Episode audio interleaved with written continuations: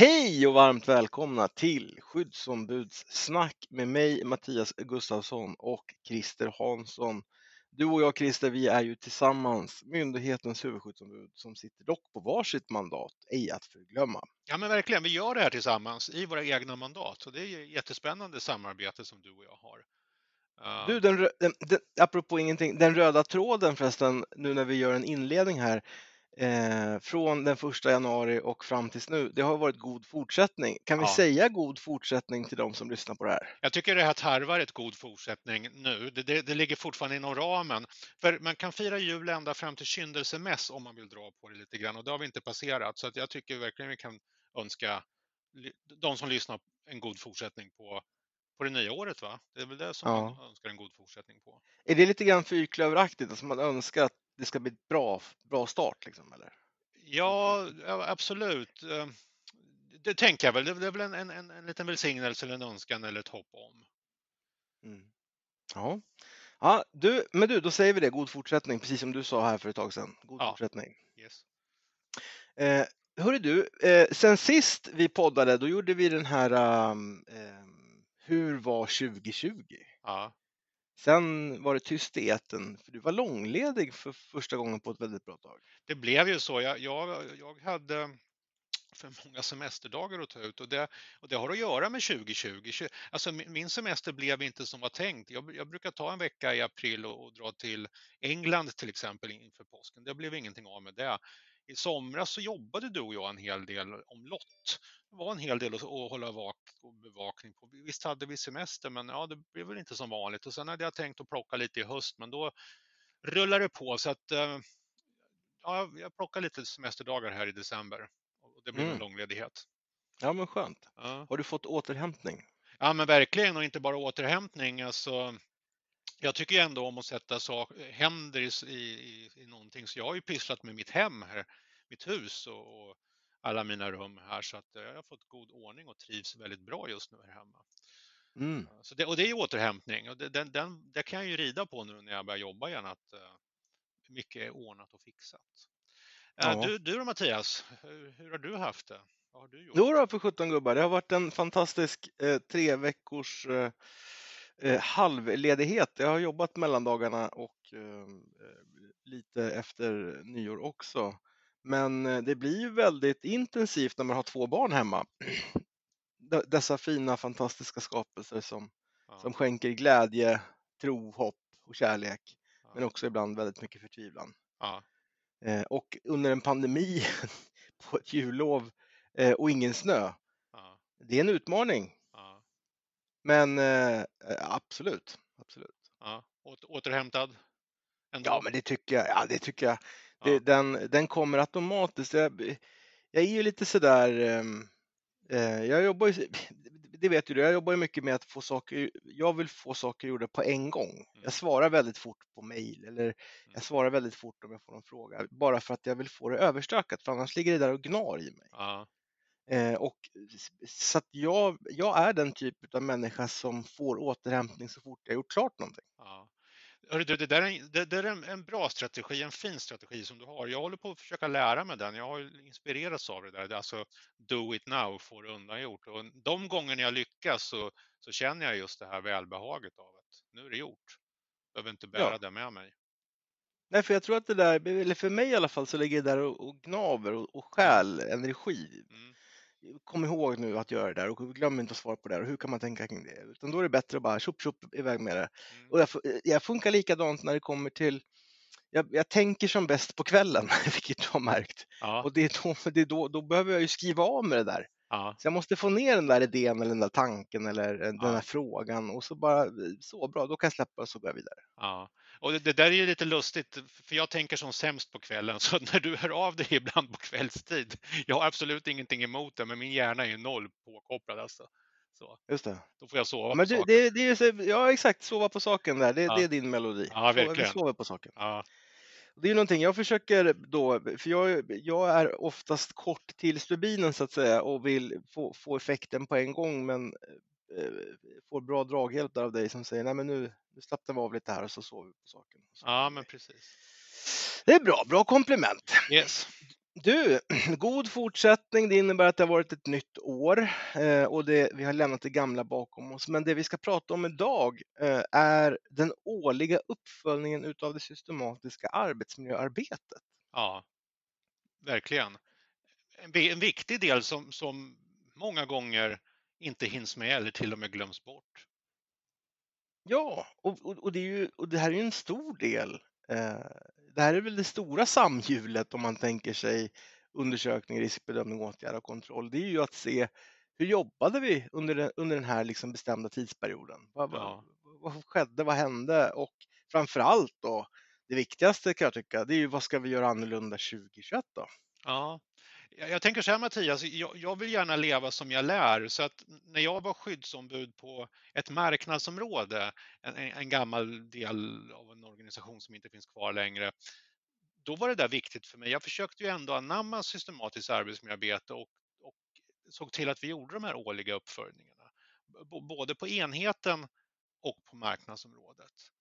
Och det, det gav goda effekter, aha-upplevelser och en bra skjuts in i det nya året. Just det. E-, eftersom vi gjorde uppföljningarna någon gång i december då, i bästa fall. Då. Mm.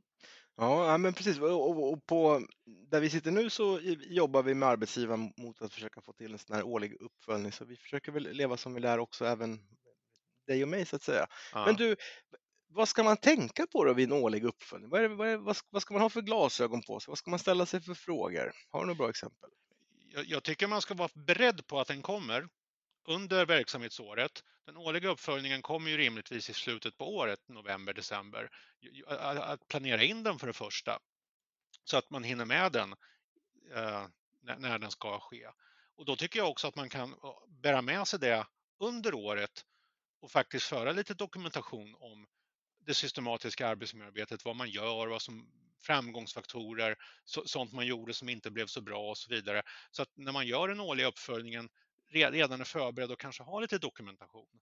Eh, men sen när man sitter i den här stunden och påbörjar det här arbetet, då handlar det ju verkligen om att titta på vi hade för avsikt att göra det här i det systematiska arbetsmiljöarbetet. Och det här har vi faktiskt lyckats göra och det här har blivit bra. Men sen också titta på det man inte hann med att göra, för det är ju bara så, man har ambitioner och så hinner man inte med. Och varför gjorde vi inte det? Varför hann vi inte med det? Och, och också saker man har gjort som, som inte blir bra också. Varför blir inte de bra för? Ja, ja men verkligen. Men för, och, och, ehm, och, då säger jag så här, i januari nu, du sa november, december, är det för sent att göra den nu? Nej, det är det absolut inte, men det börjar bli hög tid att göra den för att jag tycker man ska ha, man tappar ju lite fokus och intresse att göra en uppföljning i april. Det, det känns inte relevant att följa upp år 2020 års systematiska arbetsmiljöarbete i april, för då har vi annat att tänka på. Det måste liksom ligga i närhet till händelsen och 2020 ligger ju alldeles strax bakom oss. Då. Så att jag tycker fortfarande att man kan göra det här i januari, men det är hög tid att ta tag i det. Om jag studsar lite frågor på dig eh, så får du studsa tillbaka dem till mig så kan vi ha en liten dialog om vad man skulle kunna tänka sig prata om. Mm. Eh, första jag tänker på det är ju den här är det, sker arbetsmiljöarbetet i samverkan med skyddsombud och arbetstagare? Mm. Den, den, det är bra att du tar den som en av de första, för det är grundläggande. Arbetsmiljöarbetet och systematiskt arbetsmiljöarbete, det, det är ett gemensamt arbete för parterna. Uh, I det här fallet parterna, ibland fyller man det med lite olika roller, men uh, arbetsgivaren då, chefen, medarbetarna det är liksom de här två första och sen skyddsombuden som kommer in där. Sen kan man ju väva in fler roller i arbetsmiljöarbetet. Då. Men just det här som du säger, att sker det i samverkan? Är det ett samarbete? Eh, det är en bra check på den. Upplever vi att, vi att det har skett i samverkan? Ja, men verkligen. Och här skulle man ju kunna ta in APT till exempel. Eh, just det här samverkan med arbetstagare. Eh, hur väl har vårt, vårt, vårt APT fungerat? Och jag tänker framförallt under en sån här pandemitid då vi förmodligen inte träffas i ett fysiskt rum utan mm. vi har våra APT på Skype. Det eh, kan väl vara jätteviktigt att, att fundera kring ifall man får ut det bästa i ett sådant forum, i ett sånt här läge. Jag tycker det är avgörande för det kan ju vara så att chefen och skyddsombudet är väldigt nöjda med arbetsmiljöarbetet och tänker ja, men i den här uppföljningen, årliga uppföljningen, ja men vi har jobbat tillsammans och gjort det väldigt bra. Men frågar man medarbetarna så kanske de inte tycker det. De kanske tycker att de inte har, att de inte har varit involverade och säger att ja, men det där är ju ett jobb som ni har gjort, chef och skyddsombud. Vi har inte varit involverade, vi har inte fått information, vi har inte fått tycka till. Och det är nog det allra viktigaste att medarbetarna upplever, oavsett vad chef och skyddsombud tycker, att medarbetarna upplever att de har varit involverade och kunnat påverka och bidra i arbetsmiljöarbetet. Och det där är jag själv, mm. det är en egen erfarenhet, jag har själv råkat ut för det. Lite självgod, gått runt och trott att vi har ett gott arbetsmiljöarbete, men medarbetarna har inte tyckt det. Ja men verkligen. Du, och sen skulle man kunna snurra vidare och så skulle man kunna börja fundera på det här med kunskap. Eh, dels skyddsombud, om, om skyddsombuden på arbetsplatsen har eh, eh, tillräcklig arbetsmiljöutbildning för att klara av sitt uppdrag. Men också eh, tänker jag att man behöver fundera lite grann på, har chefer på arbetsplatsen eh, rätt kunskap och utbildning? Och likadant eh, medarbetare. Ja, och den här kunskapsbiten, det är ju både kunskap som faktiskt är grundläggande och håller över tid. Att man säkerställer den baskompetensen. Å andra sidan så är kunskap färskvara lite på toppen, grädde på moset. Alltså det som händer i verksamheten just nu har vi kunskap om det och hur det påverkar vår verksamhet. Så att här får man ju kika lite grann i de olika skikten. Vad är det för kunskap vi behöver just nu? Den grundläggande, den har vi säkerställt, den vilar vi på. Den känner vi, trygg, känner vi oss alla trygga med. Men det här att samhället och världen är förändlig och därmed vår verksamhet och därmed förutsättningarna och arbetsmiljön. Eh, där bör man ju hålla fingret i luften hela tiden och känna in vad är det för kunskaper vi behöver just nu för att kunna hantera det här. Oftast, oftast besitter man den och har den, men andra gånger kan man behöva ta in den och lära sig nytt om någonting. Visst är det så. Du, sen tänker jag också så här, allt arbetsmiljöarbete ska ju sträva efter att vi uppnår eh, vår arbetsmiljöpolicy. Mm. Eh, arbetsmiljöpolicyn är ibland någonting som kan ligga lite dolt, lite, eh, ja, dessvärre vara okänt.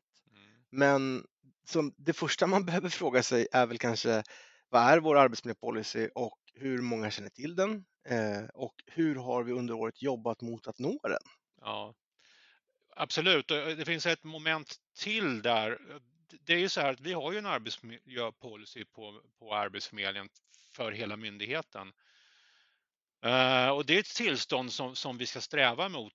Och, och då behöver man ju definiera hur vet vi när vi är där eller när vi är i närheten, när vi börjar komma in i, det, i, det, i den goda zonen så att säga som ligger runt den här policyns målbild det är, ju, det är ju en sak liksom att prata ihop sig om, för det finns inget facit på det, utan det är ju liksom upp till var och en på något sätt att säga, men nu är vi nära policyns uppfyllnad. Nu är, nu är vi nära att jag känner det här som policyn vill att jag ska känna på jobbet och uppleva. Uh, och eftersom vi är så pass stor myndighet och så många medarbetare, då bör man ju bryta ner det här till de lokala arbetsplatserna, sektioner, kanske på en enhet, att en enhet bryter och man är överens om när har vi uppnått det här? När har vi den här känslan? När, när ligger vi i den här zonen som, som, som policyn, policyn kretsar kring? Då? Så, så, att ha med det också, annars blir det omöjligt att veta när, när vad är riktningen och när, när är vi framme? Liksom. Ja men verkligen och just att se arbetsmiljöpolicyn som, som sin fyr, den vi siktar in oss mot att ja. ta höjd för. Och jag tänker också likt det du säger att en arbetsmiljöpolicy behöver man bryta ner och anpassa till den verksamhet man bedriver på, på sin enhet. Det, det tror jag är jätteviktigt. Mm. Du, eh, nästa del som jag skulle kunna tänka i, i en årlig uppföljning, det är ju om det finns tydliga och välkända mål och kanske då utifrån den organisatoriska och sociala arbetsmiljön. Men det skulle kunna också vara tydliga och välkända mål för sjuktal eller frisktal eller faktiska resurser eller andra delar. Mm. Mål är ju någonting som, som arbetsmiljöarbetet också likt arbetsmiljöpolicyn hela tiden ska sträva emot att nå. Ja, men då, bra, för då blir det konkret. Om, om policyn är någon slags riktning och en zon att kliva in i där det börjar kännas bra, så, är ju målen konkreta och vi behöver dem. Alltså annars är det, annars är det omöjligt att, få en fart, en rörelse. Målen gör ju att vi rör oss i den här riktningen. Då, då. Eh, och det är också vid uppföljningen jättebra att kunna väga och mäta. Ja, men de här målen uppnådde vi och så kan man ju till och med ställa sig frågan varför gjorde vi det? vad var framgången i det? De här målen nådde vi inte fram på eller vi började inte ens jobba med de här målen. Med de här målen. Var, varför inte? Vad var orsaken till det? Och sen inte klandra sig utan mer ta lärdom av att så vi satte för höga mål, vi satte fel mål. Det hände saker under året och sen lära sig någonting av det och så bli lite mer framgångsrik det kommande året utifrån den lärdomen. Och då, då, är vi ju inne på det här med ständiga förbättringar. Då är vi ju inne i den snurran då, som, som vi känner igen. Ja, men visst, och sen kommer nästa del. För att ha mål och jobba mot mål, men om man inte följer upp målen, då skulle jag hävda att det inte finns någon idé att ha mål. Eh, utan här behöver man ju också fundera på, likt APT, hur vi på APT följer upp de här målen. Och på Arbetsförmedlingen har vi ju någonting som i, i den psykosociala delen har, eh, heter Health Watch, men som vi på Arbetsförmedlingen har valt att kalla för Medarbetarpulsen. Det är ju en enkätstyrd eh, variant som ska leda fram till en dialog mellan chef och medarbetare om just den organisatoriska arbetsmiljön. Ehm, det är ju jätteviktigt att få koll på om hur det här arbetet, den här uppföljningen eh, har, har gått till och hur långt vi har kommit. Ja, verkligen. Eh, nästa del som jag tänker på Christer, det är ju lite grann det här handfasta i det systematiska arbetsmiljöarbetet. Till exempel hur väl jobbar vi med riskbedömningar? Mm. Eh, och också den här klassiken att inte låta riskbedömningar bli en skrivbordsprodukt som man då och då dammar av och tar fram och tittar på. Ja, där, ja, där låg du lilla riskbedömning. Då lägger vi tillbaka det i lådan igen. Så du. Mm. Ja, eh, det är en ganska stor del. Ja, här, här, tycker jag att vi, det du nämner nu och vid den årliga uppföljningen, då dyker vi ner i verktygslådan och tittar på verktygen som vi har haft att använda. Äh, äh, dels vilka verktyg vi har haft under 2020 att använda och hur vi använt dem. Har de varit effektiva? Har vi förstått oss på hur de fungerar och allt det här? Och det är återigen för att lära oss, att göra, utvärdera och lära oss. Det är ju inget far, det är inte farligt att rannsaka sig själv och säga jag har inte fattat hur jag ska använda det här verktyget eller säga det här verktyget har inte varit bra. Å andra sidan kan man säga att ja, men det här sättet vi riskbedömde på, det var ju helt suveränt, vi fick god effekt. Det måste vi göra mer av 2021. Så en, en ärlighet utan att värdera. Alltså att inte klandra sig om det inte har funkat. Det, det tror jag är viktigt. Utan... Mm, nej, men, verkligen, och det, det, tror jag är från båda håll, både från skyddsombud, fackliga företrädare, medarbetare och chefer. Jag tror att det är, man, man behöver komma från alla håll på den, på den, på den fronten. Och det här tycker jag också gäller eh, riskbedömningar. Mm. Jag tycker att man ska titta på de riskbedömningar man har genomfört, ämnena, kategorierna för riskbedömningarna och så mm. ska man fundera på, hamnade vi rätt? Mm. Var det rätt sak vi riskbedömde? Skulle vi riskbedömt det där? Gav det effekt överhuvudtaget? Vad kan vi lära oss av det? Och så vidare. Och så vidare. Mm. Jag tänker, det händer ju ibland att man vänder sig till oss, till dig och mig, eller andra skyddsombud med frågor. Hur ska man göra en riskbedömning? Vilka värden ska jag lägga in? Vad är rimligt? Är det här rätt frågor och så vidare? Mycket av de svaren kan man hitta själv i sin årliga uppföljning för att man svarar sig själv. Det är de egna svaren som är viktiga. Alltså, de som sitter med vid den årliga uppföljningen, det är där svaren kommer på de här frågorna. Det finns ingen annan utomstående som egentligen kan ge de här svaren, för arbetsmiljölagen säger ingenting om det här och därmed så är det öppet för de utförande parterna att göra de här bedömningarna, de har de här åsikterna, har de här tyckanden. Det viktiga är ju att man gör det gemensamt och har en gemensam idé om en riskbedömning till exempel, hur den har funkat, om det var ett bra verktyg och om det gav en god effekt. Du, sen kommer en radda med vad jag skulle vilja kalla för checka av-frågor. Mm. Eh, och nu får du protestera eller lägga till om du tycker att det saknas någonting. Finns det skriftlig fördelning av arbetsmiljöuppgifter och har man i de fördelningarna också fått befogenheter och resurser? Eh, vet alla anställda vilka risker som förekommer i deras arbete? Och finns det skrivna instruktioner eh, i de fallen? Alltså, har vi rutiner som, som medarbetare vid de här riskerna ska liksom följa? Och sen slutligen, eh, Eh, får nyanställda inhyrd personal och personal med nya arbetsuppgifter en bra introduktion där arbetsmiljön ingår? Mm. När jag hör dig äh, dra de här områdena så får jag upp en bild i huvudet att det, det är ju rutinerna. Uh, och en, en, en, eh, utvärdering och uppföljning om rutinerna har funkat. Har vi rutiner som är anpassade efter vår verksamhet och de vi har, ger de en god effekt? Har vi, klarar vi av att följa dem? Hela den biten. Så där, där har vi rutin, rutinerna helt enkelt. Man kanske också skulle kunna lägga in skyddsronder i de där rackarna? Ja, absolut. De måste in där. Att Jag bara checka ja. av att vi har gjort dem. Och ja. så. Mm. Du, eh, slutligen eh, så skulle jag också vilja få med incidenter och tillbudsrapportering. Ja. Eh, och dels hur, hur liksom, har, ligger vi på rätt nivå eller bör det varit fler eller färre incidentrapporter tillbud som har kommit in till oss? Och, och upplever vi att eh, de här incidentrapporterna, tillbudsrapporteringarna ut, utreds på ett sådant sätt som de ska? Mm. Uh, det, det, här är ett instrument, ett, en, en process som, som ger väldigt god effekt på det lokala planet alltså där man är, där man jobbar. Att eh, använder man incidentrapportsystemet eh, som det är tänkt eh, och eh, att man eh, åtgärdar det som händer. Eh, man har lite koll på statistiken så att man vet att det här drabbas vi mycket av. Det kanske finns något strukturellt fel här hos oss.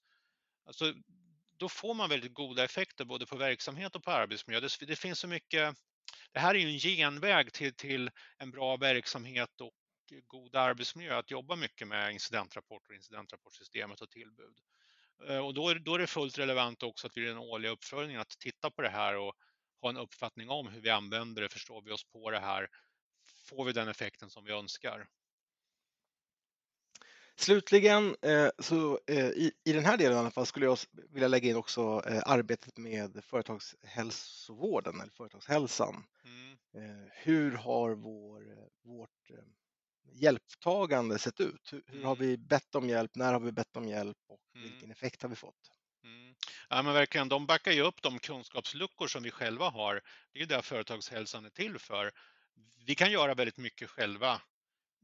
Vi var inne på det här med den egna kompetensen, eh, både i rollen och i den gemensamma kompetensen i skyddskommittén eller på APT eller där vi är. Eh, sen är, sen, sen är det ju så att eh, företagshälsan ska ju backa upp den kompetensen som vi själva inte besitter. Eh, och då finns det alla anledningar också att titta på, upptycker vi att de fyller den luckan? Och när vi har behov så att säga, är de tillgängliga? Och allt det här. Och, så, och naturligtvis givet inom det avtalet som vi har med företagshälsan. Att det, det, är bara det vi kan hålla oss inom. Men den tanken och idén, är de den pusselbiten som vi kan använda när vi själva går bet och vi behöver den här externa kompetensen? Du, nu sitter vi med en eh, bruttolista. Nu har vi ställt ett antal frågor och vi har resonerat kring dem och vi har förhoppningsvis kommit fram till något slags resultat. Det är ju nu nästa action krävs sker, det är ju att man sätter en handlingsplan till det här. Att man för 2021 liksom har en åtgärdsplan för att på nytt närma sig arbetsmiljöpolicyn, för att på nytt närma sig de mål man sätter mm. eh, och få maskineriet att på riktigt funka. Så det är ju jätteviktigt att inte återigen likt en riskbedömning bara konstatera att här fanns det risker men sen gör vi ingenting åt det utan mm. att, att man tar tag i det och, och verkligen ägna minst lika mycket tid åt handlingsplanen för 2021? Min, min erfarenhet är ju från marknadsområde och enhet. Och när vi gjorde de här årliga uppföljningarna, då hade vi fortfarande den här arbetsmiljöplanen som vi har haft i många år, som inte längre finns kvar, det här dokumentet. Men den hade ju ett moment i, sin process där man gjorde den årliga uppföljningen. Och det här du är inne på Mattias, där man, där man kommer fram till det för man ju över till när man skulle teckna den nya arbetsmiljöplanen för det kommande året. Då fanns det ett moment där man tar med sig det från föregående året in i det nya året. Det, det som har fungerat bra, det som inte har fungerat bra, det man hann med, det man inte hann med och så vidare. Så det, det liksom hakar på och fortsätter. Eh, mm. nu har vi inte kvar det här dokumentet, den processen egentligen på det sättet, men i, det behöver ju ske på samma sätt ändå när vi gör de här årliga uppföljningarna, att få med det i, in i det nya året dokumentera och orka driva det vidare. Ja men du verkligen. Eh, slutligen Christer, Vi, vi, eh, vi har ju gått på, på vår myndighet, på Arbetsförmedlingen, så har vi gått ifrån att inte längre ha det som kallas för arbetsmiljöplaner. Mm. Utan vi har valt att ta in det och beskriva det i våra, där vi beskriver den verksamhet vi önskar bedriva under 2021. Den här delen, den här eh, saken som vi nu har pratat om, den årliga uppföljningen, det här är ju ett jättebra stöd oavsett hur man än gör, vrider och vänder på det för att liksom lägga den här planen, den här beskrivningen av det systematiska arbetsmiljöarbetet och generellt arbetsmiljöarbete som man vill bedriva för att få till slut en bättre verksamhet. Ehm, och kan vi lyckas med den här delen, tror jag, i samhället generellt, nu, nu tar vi till orden här, mm. Eh, då tror jag att vi kan få en väldigt, ett väldigt mycket bättre arbetsliv eh, om vi kontinuerligt har den här årliga uppföljningen. Ja, jag, jag, kan, jag upplever att ibland kan man tycka att systematiskt arbetsmiljöarbete är svårt. Man vet inte var man ska börja och hur, hur gör man och vad ska det innehålla och sådana här saker. Och man får ju en viss vägledning i föreskriften om systematiskt arbetsmiljöarbete.